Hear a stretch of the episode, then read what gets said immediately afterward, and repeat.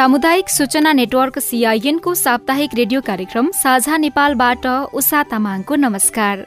कार्यक्रम साझा नेपाल सामुदायिक रेडियोहरूको छाता संगठन सामुदायिक रेडियो प्रसारक संघ अकोराबद्वारा संचालित सामुदायिक सूचना नेटवर्क सीआईएन मार्फत देशभरि प्रसारणमा रहेका तीन सय भन्दा बढ़ी सामुदायिक रेडियोबाट सुन्न सकिन्छ।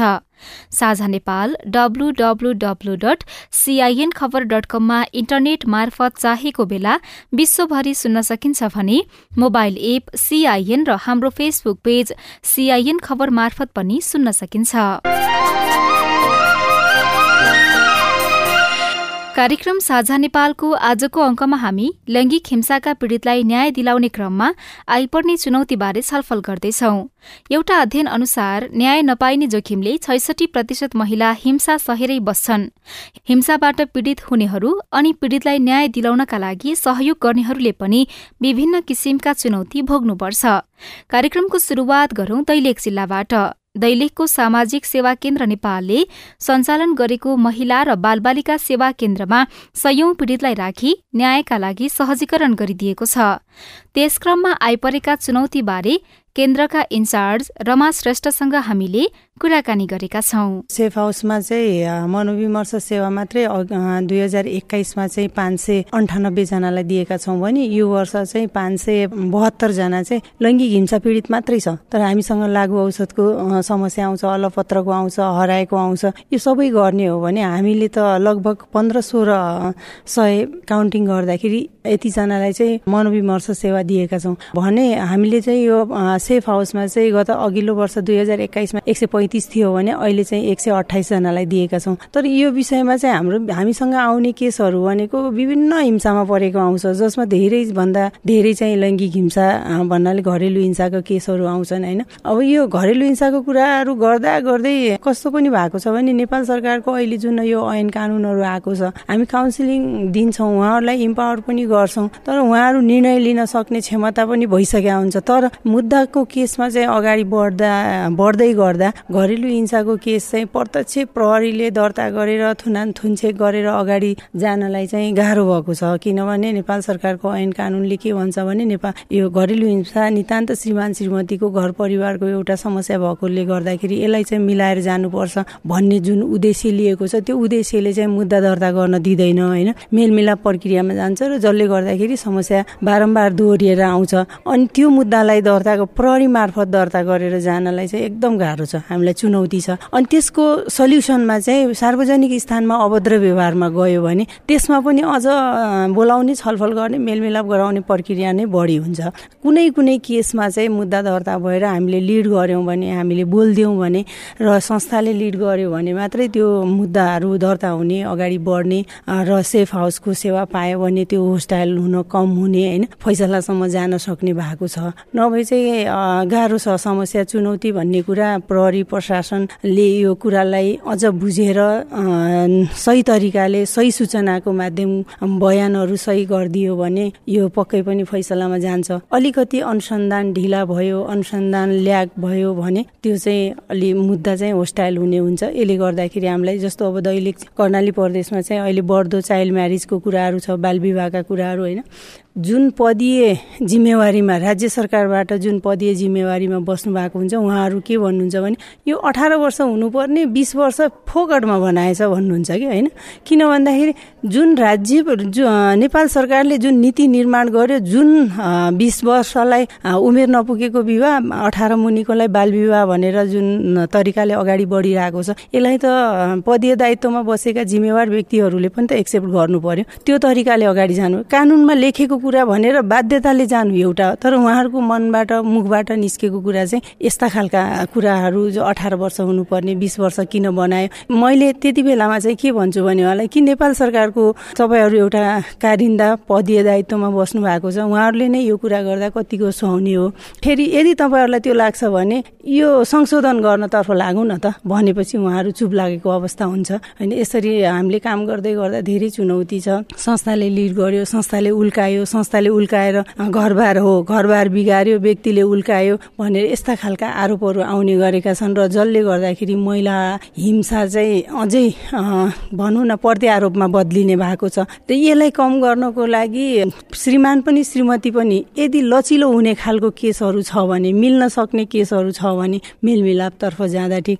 यदि भोलि त्यहीले फेरि आक्रान्त अर्को रूप लिएर अर्को हिंसा लिएको रूप लिन्छ यसले यो सिक्सटिन डेज क्याम्पेनकै समयभित्र यस्ता खालका घटना भनेको हामीलाई पनि यो आत्मा छिचोल्छ। काम गर्दै गर्दा एउटा घटना यो भयो भने गरेका कामलाई पनि निरुत्साहित गरिदिन्छ। यसलाई बढावा दिनको लागि हामी सबै समुदाय स्थानीय ओडा प्रहरी प्रशासन सम्बन्धित निकायहरू बसेर यसलाई कसरी हामीले दरो तरिकाले जाने र एउटा केस एउटा समस्या मात्रै नभएर यो समस्याको समाधान कसरी गर्ने र उसलाई रु पुनर्स्थापना घरमा परिवारमा पुनर्स्थापना गर्नको लागि के के आवश्यक पर्छ त्यतातिर पनि हेर्दा हेर्नलाई जरुरी देखिन्छ। हिंसा पीडितहरू लाग्ने यो सेफ हाउस चाहिँ अहिलेसम्म कसरी सञ्चालन भइरहेको छ र सेफ हाउसमा कति मान्छेहरूलाई तपाईँहरूले आश्रय दिइसक्नु भएको छ र यसको दिगो सञ्चालनको व्यवस्था चाहिँ कसरी हुन्छ छोटोमा? दुई हजार एक्काइसमा चाहिँ हामीले एक सय पैँतिसजनालाई सेवा दिएका छौँ भने अहिले चाहिँ हामीले एक सय उन्तिसजनालाई नोभेम्बरसम्मलाई दिएको छ।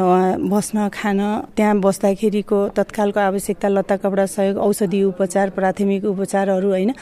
अनि उहाँहरूलाई आवश्यक भएको चिजहरू तत्कालमा हामीले उपलब्ध गराएर यसरी सेवा गरिरहेको छौँ। र यो हामीले भवन पनि भाडामा लिएर चलाइरहेको अवस्था छ अहिले। र यस गर्दै गर्दा अब सोसेक नेपालले एउटा सेफ हाउस चाहिँ सञ्चालन गरेको छ। त्यो सेफ हाउसमा अघिल्लो वर्ष नारायण नगरपालिकाले पाँच लाख रुपियाँ हालिदियो र डिपिसी भएको छ भने अहिले चाहिँ मन्त्रालयबाट पनि केही बजेटहरू गएको छ। त्यो बजेटले यो वर्ष सायद हाम्रो भवन निर्माण हुन्छ र शान्तिपूर्ण के अरे हाम्रो यो पुनस्थापना केन्द्रलाई अलि दिगो बनाउनलाई केही सहयोग हुन्छ भन्ने पनि हामीलाई लागिरहेको छ। हामीले काम गर्दै गर्दा सेफ हाउसमा बसेर अभिभावकविहीन बालबालिकालाई पनि हामीले यो ताथली बालगृहमा पनि एकजना बालक दुई वर्षको बालकलाई हस्तान्तरण गरेका छौँ। एउटा बहु अपाङ्गता भएकी बालिका पाँच वर्षको एक वर्ष भयो अहिले हामीसँग नै छ। उहाँको लागि पनि ठाउँ खोजिरहेको छौँ। यदि कोही सम्पर्कमा हुनुहुन्छ भने हामीलाई रिक्वेस्ट गर्नुहोला अनुरोध गर्नु हामीसँग सम्पर्कमा आइदिनु होला प्लिज म यो सिआइएनबाट म सूचना दिन चाहन्छु र यहाँहरूले फेरि पनि केही सम्पर्क गर्नु परेमा म रमा श्रेष्ठ दैलेख सामाजिक सेवा केन्द्र सोसेक नेपालबाट अन्ठानब्बे पाँच असी छत्तिस दुई सय बाइसमा पनि सम्पर्क गरिदिनु हुन पनि अनुरोध गर्दछु। महिला र बालबालिका सेवा केन्द्र दैलेखका इन्चार्ज रमा श्रेष्ठसँगको कुराकानी हामीले भर्खरै सुन्यौं। लैङ्गिक हिंसामा परेकालाई लक्षित गर्दै देशभर चौरानब्बे अस्पतालमा एकद्वार संकट व्यवस्थापन केन्द्र ओसीएमसी स्थापना गरिएका छन्। त्यसमध्ये साठी ओसीएमसीले एघार हजार पीड़ितलाई सहजीकरण गरेको छ। यहाँ पुग्ने पीड़ितलाई स्वास्थ्य उपचार पीड़ितको अवस्था झल्काउने मेडिकल रिपोर्ट मनोपरामर्श लगायतका सेवा उपलब्ध गराइन्छ। यस क्रममा खास गरी चिकित्सकलाई कस्ता किसिमका चुनौती आउँछन्? ओसिएमसी जुम्लाका संयोजक डाक्टर अरविन्द साक्य भन्नुहुन्छ। ओसिएमसीमा चाहिँ प्रायः जस्तो यो लैङ्गिक हिंसा केसेसहरू होइन जसमा चाहिँ अब विभिन्न प्रकारहरू हुन्छन्। तर हस्पिटलमा आउने मुख्य केसेसहरू भनेको चाहिँ एउटा चाहिँ घरेलु हिंसा भइसकेपछि यो कुटपिट र अर्को चाहिँ सेक्सुअल असल्ट अथवा रेपको केसेसहरू चाहिँ आउने गर्छन्।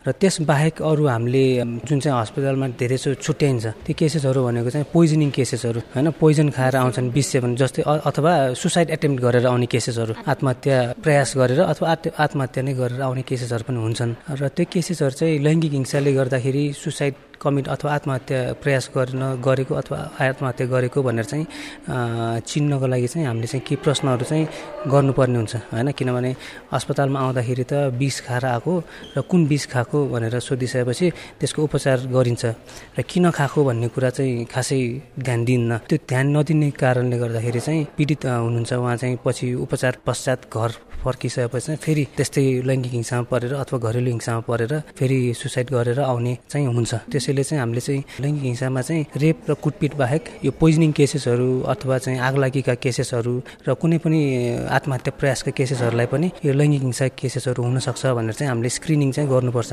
त्यसको लागि चाहिँ हामीले चाहिँ अस्पतालमा कार्यरत सबै डक्टर अथवा नर्सेसहरू चाहिँ यो लैङ्गिक हिंसाको बारे चाहिँ बुझ्ने हुनुपर्छ। सुदूरपश्चिम अथवा कडाली प्रदेश आसपासमा चाहिँ लैङ्गिक हिंसाको दर कस्तो पाउनु भयो तपाईँ त्यो क्षेत्रमा चाहिँ काम गरिरहँदाखेरि? सुदूरपश्चिम र यो कर्णाली प्रदेशमा चाहिँ लैङ्गिक हिंसा केसेसहरू चाहिँ धेरै नै छन्। कुन आधारमा भन्दाखेरि एक वर्षभन्दा अगाडि चाहिँ केसेसहरू कम थिए किनभने रिपोर्टिङ नै कम थियो। र एक वर्ष भयो हाम्रो जुम्लामा चाहिँ सिपिएसडब्ल्यू र साइकोसोसियल काउन्सिलर्सहरू केस म्यानेजर्सहरू चाहिँ एक्टिभली केस आइडेन्टिफिकेसनमा लाग्नुभएको। र त्यो उहाँहरूले चाहिँ केस आइडेन्टिफाई गरिसकेपछि चाहिँ केसेसहरू चाहिँ बढेको देखिन्छ।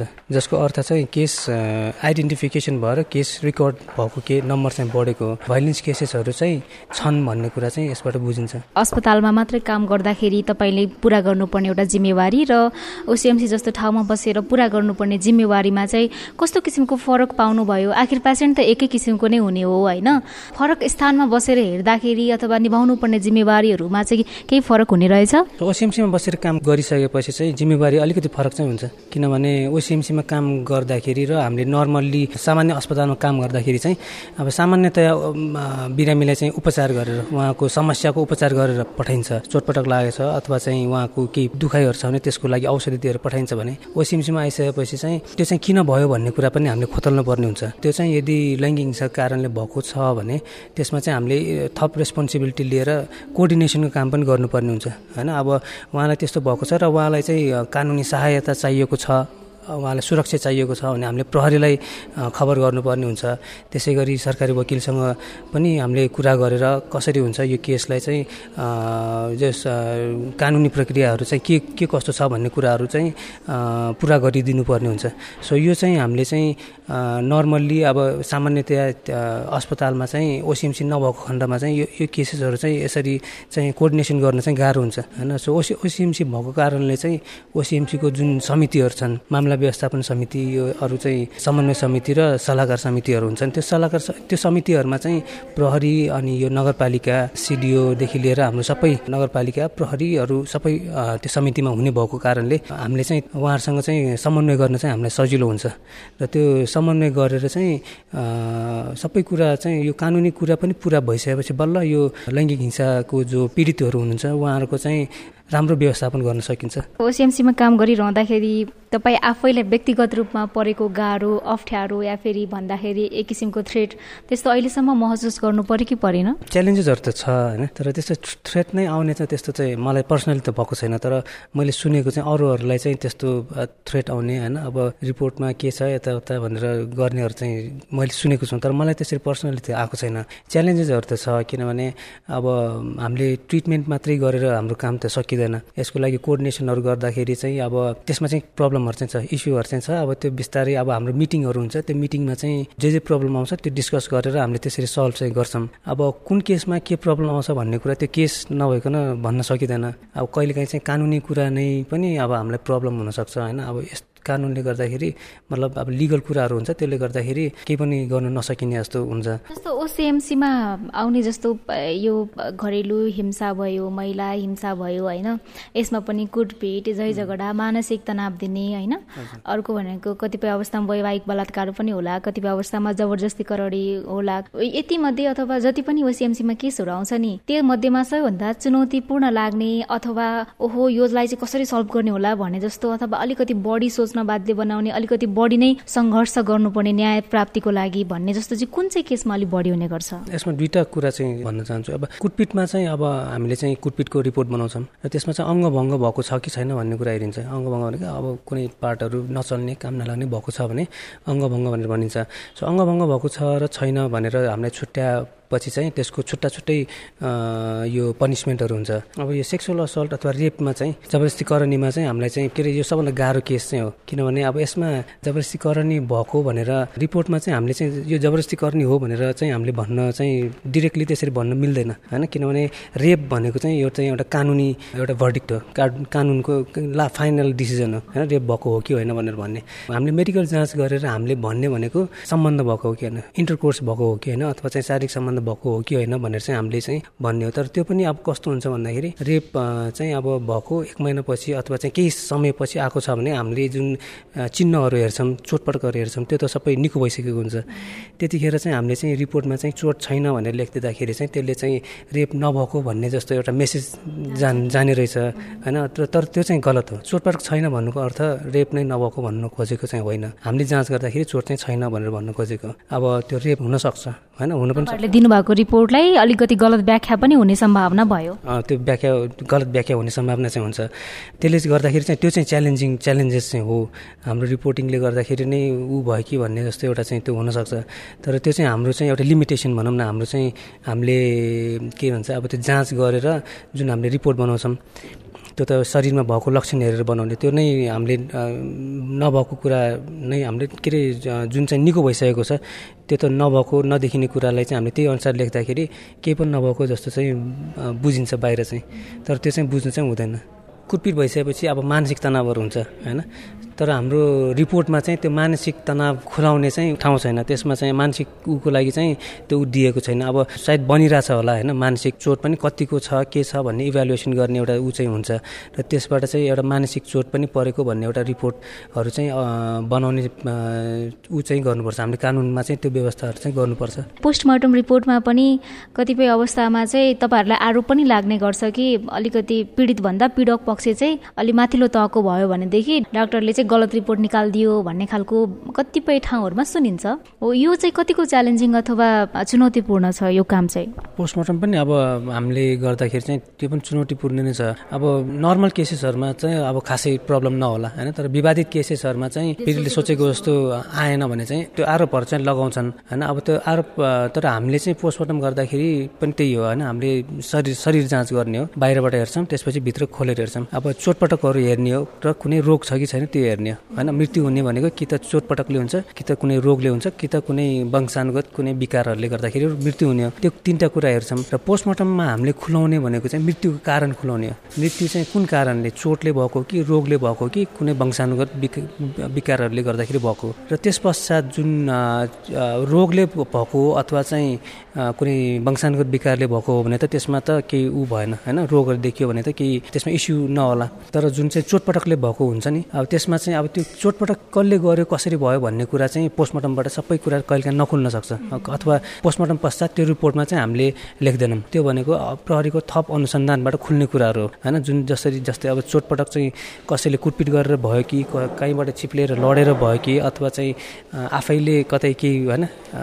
कहीँबाट आफै हाम फालेर भयो कि भन्ने कुरा चाहिँ त्यो चाहिँ हामीले रिपोर्टमा चाहिँ सुसाइड होमिसाइड अथवा चाहिँ एक्सिडेन्ट भनेर चाहिँ हामीले खुलाउँदैनौँ। मृत्यु कारण मात्रै हामीले खुलाउने सो हामीले चाहिँ अब तर सामान्यतया मान मान्छेहरूले के सोध्छन् भने भन्दाखेरि पोस्टमार्टम गरिसकेपछि यसबाट सबै कुरा खुल्छ। मारेको हो अथवा आफै मरेको हो पनि त्यसबाट खुल्छ भनेर भन्छन्। तर त्यो हामीले चाहिँ त्यो किनभने हामीले त शरीर मात्रै जाँच गर्ने हो होइन? शरीर मात्रै जाँच गरेर त त्यो कुरा त हामीले खोल्न सक्दैनौँ। त्यसको लागि त सबै कुराहरू हेर्नु पऱ्यो नि त। घटनास्थलमा के भएको छ? उहाँको अरू कुराहरू सबै कुराबाट त्यो खुल्ने कुरा हो होइन? घटनास्थल अथवा चाहिँ प्रहरीले चाहिँ इन्टोरिगेसनहरू गर्छ मुचुल्का अथवा इन्टोरिगेसनहरू हुन्छ सोधपुछ गर्छन् प्रहरीले पनि। त्यसबाट सबै अनि हाम्रो रिपोर्ट सबै मिलाएर प्रहरीहरूले गर्ने कुराहरू। त्यो अलिकति एक्सपेक्टेसन हाई भएर पनि आफू अनुकूल आफूले सोचे जस्तो कहिले काहीँ नआउने भएकोले गर्दाखेरि चाहिँ त्यस्तो आरोपहरू चाहिँ लाग्ने गर्छन्। छोटोमा भन्नुपर्दाखेरि चाहिँ लैङ्गिक हिंसाका पीडितहरू जो तपाईँहरूको शरणसम्म आइपुग्छन् म पीडित भएँ भनेर त्यस्ता खालका पीडितहरूलाई तपाईँको तर्फबाट न्याय प्रक्रियामा सामेल गराउन अथवा उहाँलाई चाहिँ न्याय दिलाउनको लागि कस्तो कस्तो किसिमको चुनौतीहरू चाहिँ आज डक्टर र त्यो लैङ्गिक हिंसाका पीडितलाई तपाईँले ह्यान्डल गर्दै गरेको अथवा तपाईँले उहाँको सेवा गर्नुपर्ने भएको हिसाबले मात्रै आइलाग्ने चुनौतीहरू चाहिँ के के हुन्छन्? सो चुनौतीहरू त अब सुरुमा त अब हाम्रो त अब one stop crisis management centre भन्छ ओसिएमसी होइन एकद्वार सङ्कट व्यवस्थापन केन्द्र। सो एकद्वार भनेपछि सबै कुरा एकद्वारबाट हुनुपर्ने हो होइन? हाम्रोमा चाहिँ कस्तो भइरहेछ भने यो अस्पतालभित्रको सेवा चाहिँ एकद्वार भए तापनि अस्पतालमा चाहिँ जुन अब मेडिकल ट्रिटमेन्ट दिन्छ त्यसपछि हामीले फोरेन्सिक रिपोर्ट बनाइन्छ र त्यस पश्चात हाम्रो चाहिँ काउन्सिलिङ पार्ट यो तिनवटा चाहिँ एकद्वारबाटै भए पनि। अरू सेवाहरू चाहिँ को लागि चाहिँ पीडित चाहिँ जानै पर्छ कि कि त लयरकोमा कि त प्रहरीकोमा होइन? जानै पर्छ कि त्यो जानुपर्ने चाहिँ एउटा त्यो त्यो चाहिँ एउटा ऊ हो। सकेसम्म चाहिँ सबै एउटै ठाउँबाट दिउँ भन्ने चाहिँ त्यो दुइटा कुरा चाहिँ त्यो बाहिरबाटै बाहिरै जानुपर्ने भयो। अर्को चाहिँ अब यो कानुनी कुराहरूले गर्दाखेरि चाहिँ हामीलाई चाहिँ अलिक प्रब्लम हुन्छ। जस्तै चाहिँ अब एबोर्सनको लागि आउँछन् होइन? कम उमेरको गर्भपतन गराउन आउँछन्। तर गर्भपतन चाहिँ हाम्रोमा चाहिँ हाम्रो कानुन अनुसार चाहिँ अठाइस हप्तासम्म रेपको लागि रेपको केसेसमा गर्न पाउँछ भन्ने छ। रेप नभएको केसमा चाहिँ बाह्र हप्ता। होइन सामान्यतया बाह्र हप्तामा हो। बाह्र हप्ता पछि पनि आउँछन् कि? रेप भनेर आउँछन्। तर उहाँहरूलाई चाहिँ हामीले प्रहरीमा खबर गर्ने भनेर भन्दाखेरि उहाँहरूले गर्न मान्नुहुन्न कि? किन भन्दाखेरि उहाँहरूलाई चाहिँ अब कम्युनिटीमा थाहा भयो भने चाहिँ उहाँकै बेजत हुन्छ नराम्रो हुन्छ पछि उहाँहरूलाई गाह्रो हुन्छ भन्ने चाहिँ एउटा फिलिङले गर्दाखेरि चाहिँ उहाँले चाहिँ पुलिस केस चाहिँ गर्न मान्नुहुन्न कि? अनि अब हामीले चाहिँ कानुनी रूपमा यो अब एबोर्सन भनेको त कानुनी कुरा हो।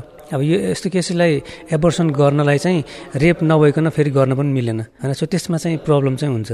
सो चुनौतीहरूको कुरा गर्दा गर्दाखेरि चाहिँ अब एउटा त रिपोर्टै बनाउँदाखेरि पनि हाम्रो रिपोर्टमा जस्तै अब घटना अलिकति अगाडिको घटना हो भने चाहिँ जाँच गर्दाखेरि चाहिँ केही पनि चोटपटकहरू नदेखेको भनेर हाम्रो रिपोर्टमा आउँछ। र त्यो केही पनि नदेखेको भन्ने रिपोर्टमा आउनेलाई चाहिँ रेप नै भएको होइन भन्ने जस्तो एउटा मिसअन्डरस्ट्यान्डिङ हुन्छ। त्यो त्यो पनि एउटा चुनौती नै हो। धेरै धन्यवाद कुराकानीको लागि। थ्याङ्क यू धन्यवाद। तपाईँ अहिले देशभरका सामुदायिक रेडियोसँगै सामुदायिक सूचना नेटवर्क सीआईएनबाट कार्यक्रम साझा नेपाल सुन्दै हुनुहुन्छ।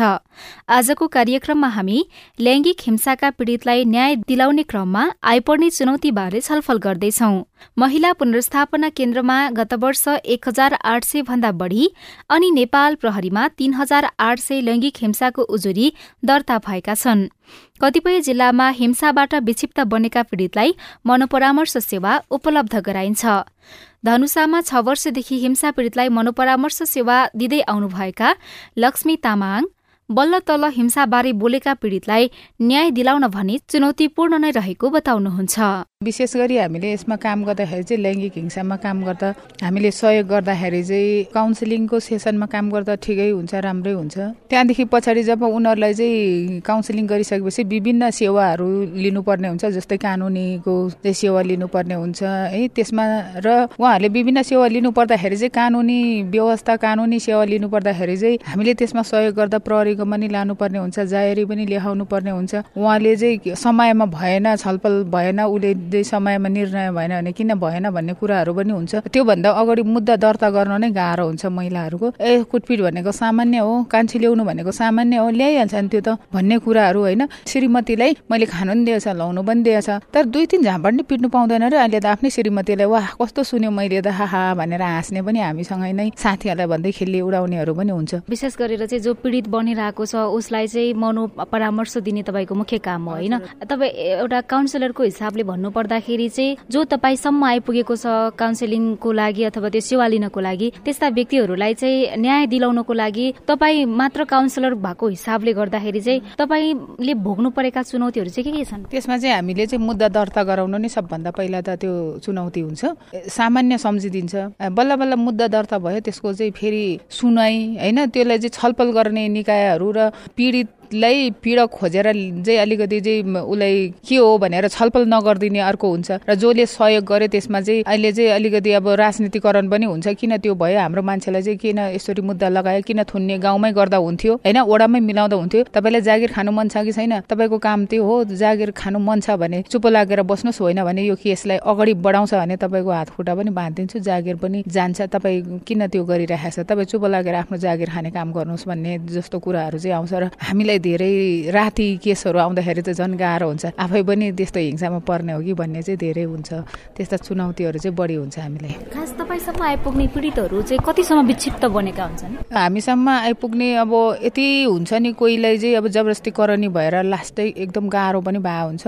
एकदमै अब के गर्ने इज्जत भनेको गइसक्यो छैन के पनि मर्न पाए हुन्थ्यो भन्ने सम्मको चाहिँ ऊ आत्महत्याको चाहिँ हामीले रिसर्च गरेर हेर्दाखेरि पनि हामीले योभन्दा अगाडि चाहिँ तिन सय लैङ्गिक हिंसा पीडितहरूसँग चाहिँ हामीले रिसर्च पनि गरेको थियो। त्यसमा हेर्दाखेरि पनि सुसाइडल केसहरू होइन आफूले सुसाइड आत्महत्याको चाहिँ प्रयास नगरेको चाहिँ कमै भेट्यो कि। नाइन्टी नाइन पर्सेन्ट चाहिँ आत्महत्याको चाहिँ दुई पटक तिन पटकसम्म प्रयास गरेकोहरू मात्रै भेटेको हुनाले चाहिँ यसमा चाहिँ धेरै विक्षिप्त नै गाह्रो नै भएकोहरू चाहिँ हुन्छ। किनभने जाने ठाउँ पनि हुँदैन। जो आफ्नो श्रीमान भन्छ उहीँबाट कुटपिट भएको हुन्छ फ्यामिली भनेको हुन्छ परिवार सासू ससुरा त्यहाँ पनि चाहिँ कुटपिट भएको हुन्छ घरबाट निकालेको हुन्छ घरमा जाँदा बिहे भएर गएको कहाँ आइराखेको यहाँ भन्ने हुन्छ। उनीहरूको जाने ठाउँ बस्ने ठाउँ खाने ठाउँ नहुँदाखेरि एकदमै विक्षिप्त चाहिँ भएको हुन्छ नै। भनेपछि यो लैङ्गिक हिंसाबाट जति पनि पीडित महिलाहरू छन् अथवा लैङ्गिक हिंसाबाट पीडितहरू चाहिँ बढीभन्दा बढी जोखिममा चाहिँ आत्महत्या गर्ने जोखिममा एकदमै आत्महत्याको त किन एकदम त्यो सबैमा चाहिँ त्यो खालको विचार चाहिँ आइरहेको हुन्छ अनि किन चाहिँ गरिरहेको छैन त?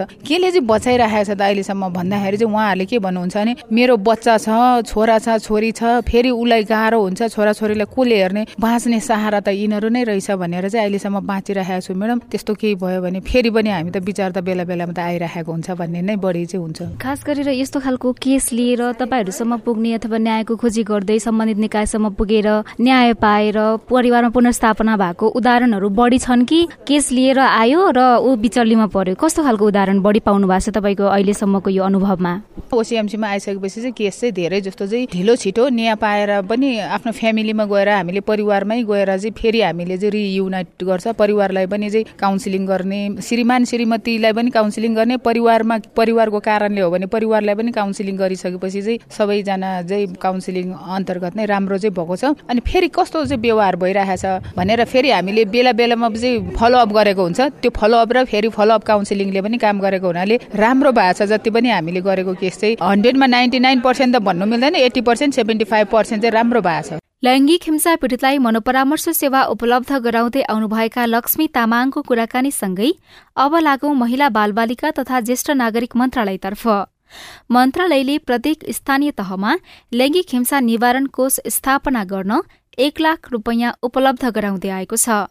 मन्त्रालयका लैङ्गिक हिंसा निवारण शाखा प्रमुख ममता विष्ट भन्नुहुन्छ हिंसाको सवालमा चाहिँ मन्त्रालयले चाहिँ अब एडभोकेसी गर्ने र पोलिसीहरू जुन नीतिहरू बनाएको छ त्यो कार्यान्वयन प्रभावकारी कार्यान्वयनको लागि पहल गर्ने र स्थानीय तह र प्रदेश सरकारहरूलाई चाहिँ नि यस सम्बन्धमा आवश्यक पर्ने प्राविधिक सहयोगदेखि लिएर र उहाँहरूलाई चाहिँ अब यो अभियानमूलक कार्यक्रम सञ्चालन गर्नको लागि पहल गर्ने गरेका छौँ। त्यस्तै गरी अब सबै स्थानीय तहमा हामी लैङ्गिक हिंसा निवारण कोष स्थापना गर्नको लागि कोष पनि पठाएका छौँ र प्रदेश मन्त्रालयमा त्यो कोषमा हामीले एक लाखका दरले पठाएका छौँ। र उहाँहरूले त्यो कोष स्थापना गरेर थप गर्न सक्नुहुन्छ र त्यो कोषमा पैसा पुगेन भने केन्द्रबाट थप रकम माग्न पनि सक्नुहुन्छ। र त्यही उसमा चाहिँ हामीसँग धरान उप महानगरपालिकाले चाहिँ एक लाख पुगेन भनेर थप माग्नु भएको छ होइन? त्यसरी कोष स्थापना गर्ने तत्काल उद्धार राहत समिति गठन गर्ने लैङ्गिक हिंसाका घटनाहरूलाई चाहिँ सम्बोधन गर्ने गरी पहल गर्नको लागि हामीले त्यो गरेका छौँ भने अनि अभियानमुखी कार्यक्रमहरू सञ्चालन गरेका छौँ। सामाजिक कुरीति यो हाम्रो कुप्रथा विरुद्धका जसले गर्दा चाहिँ हाम्रो लैङ्गिक हिंसाका घटनाहरू जुन बढिरहेका छन् त्यसले चाहिँ त्यस्ता अभियानमुखी कार्यक्रमहरू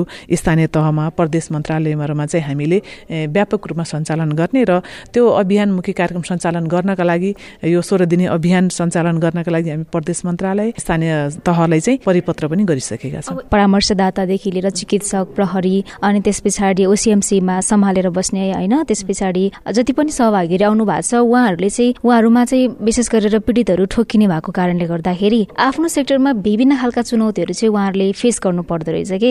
ती खालका चुनौती चुनौतीहरू समग्रमा समाधान होस् भन्नको लागि अथवा उहाँहरू मार्फत चाहिँ सहजै पीडितले न्याय पाओस् भन्नको लागि सरकारको तर्फबाट मन्त्रालयको तर्फबाट त्यस्तो केही सहजीकरण पहलहरू गर्न सकिन्छ अथवा केही योजना छ? न्याय पाउनको लागि चाहिँ अब कानुन छन् तर सहज रूपमा न्याय पाउनको लागि अलिकता न्याय सहज पाउन नसकेको अवस्था पनि छ। जसमा चाहिँ अब मन्त्रालय सहजीकरण गरिरहेको छ। त्यस्तै कुनै समस्या भएकोलाई चाहिँ हामीले कहाँसम्म उसलाई सहयोग गर्ने र अनि प्रदेश मन्त्रालय स्थानीय तहसँग लिङ्क गरिदिने र समन्वयात्मक कार्यको काम पनि मन्त्रालयले गर्दै आएको छ र उहाँहरूलाई चाहिँ तत्काल जस्तै कोही महिला हिंसा भएर हिंसा पीडित भएर आएको छ भने उसलाई रिफरल गर्ने र कुन ठाउँमा उसलाई सेवा सहज रूपमा पाउन सक्छ त्यो ठाउँमा सम्प्रेषण गर्ने र अब त्यस्तो महिलाहरूको लागि अल्पकालीन आश्रय स्थलहरू छ केन्द्रमा चाहिँ मन्त्रालयले आफै सञ्चालन गरेको मङ्गला छाना दीर्घकालीन पुनस्थापना केन्द्र छ र त्यस्तै अरू संस्थाहरूले सञ्चालन गरेको पुनस्थापना केन्द्रमा उहाँहरूलाई राख्ने व्यवस्थासम्म पनि मन्त्रालयले गरेको छ। नेपाल प्रहरीका अनुसार लैङ्गिक हिंसाका उजुरी मध्ये पचास प्रतिशत दोहोरिएर आएका घटनाहरू हुन्छन्।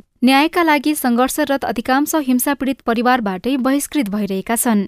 उनीहरूका लागि सिपमूलक तालिम कार्यक्रम तथा उचित बासको व्यवस्था सरकारले गर्नुपर्छ भने न्याय प्रक्रियामा आनाकानी र ढिलाइ हुने अवस्थाको अन्त्य गरिनुपर्छ। यिनै छलफलसँगै हामी कार्यक्रम साझा नेपालको अन्त्यमा आइपुगेका छौं। साझा नेपाल तपाईँलाई कस्तो लाग्यो? हाम्रो टेलिफोन नम्बर शून्य एक बाहन्न साठी छ चार छमा फोन गरेर आफ्नो जिज्ञासा सल्लाह सुझाव तथा प्रतिक्रिया रेकर्ड गर्न सक्नुहुन्छ। हवस् त आउँदो साता आजकै समयमा फेरि रेडियो कार्यक्रम साझा नेपाल लिएर उपस्थित हुनेछौ। त्यतिन्जेलसम्मका लागि प्राविधिक साथी सुनिल राज भारतलाई धन्यवाद दिँदै उषा तामाङ विदा हुन्छु। आउँदो साताको साझा नेपालमा फेरि भेटौँला। नमस्कार।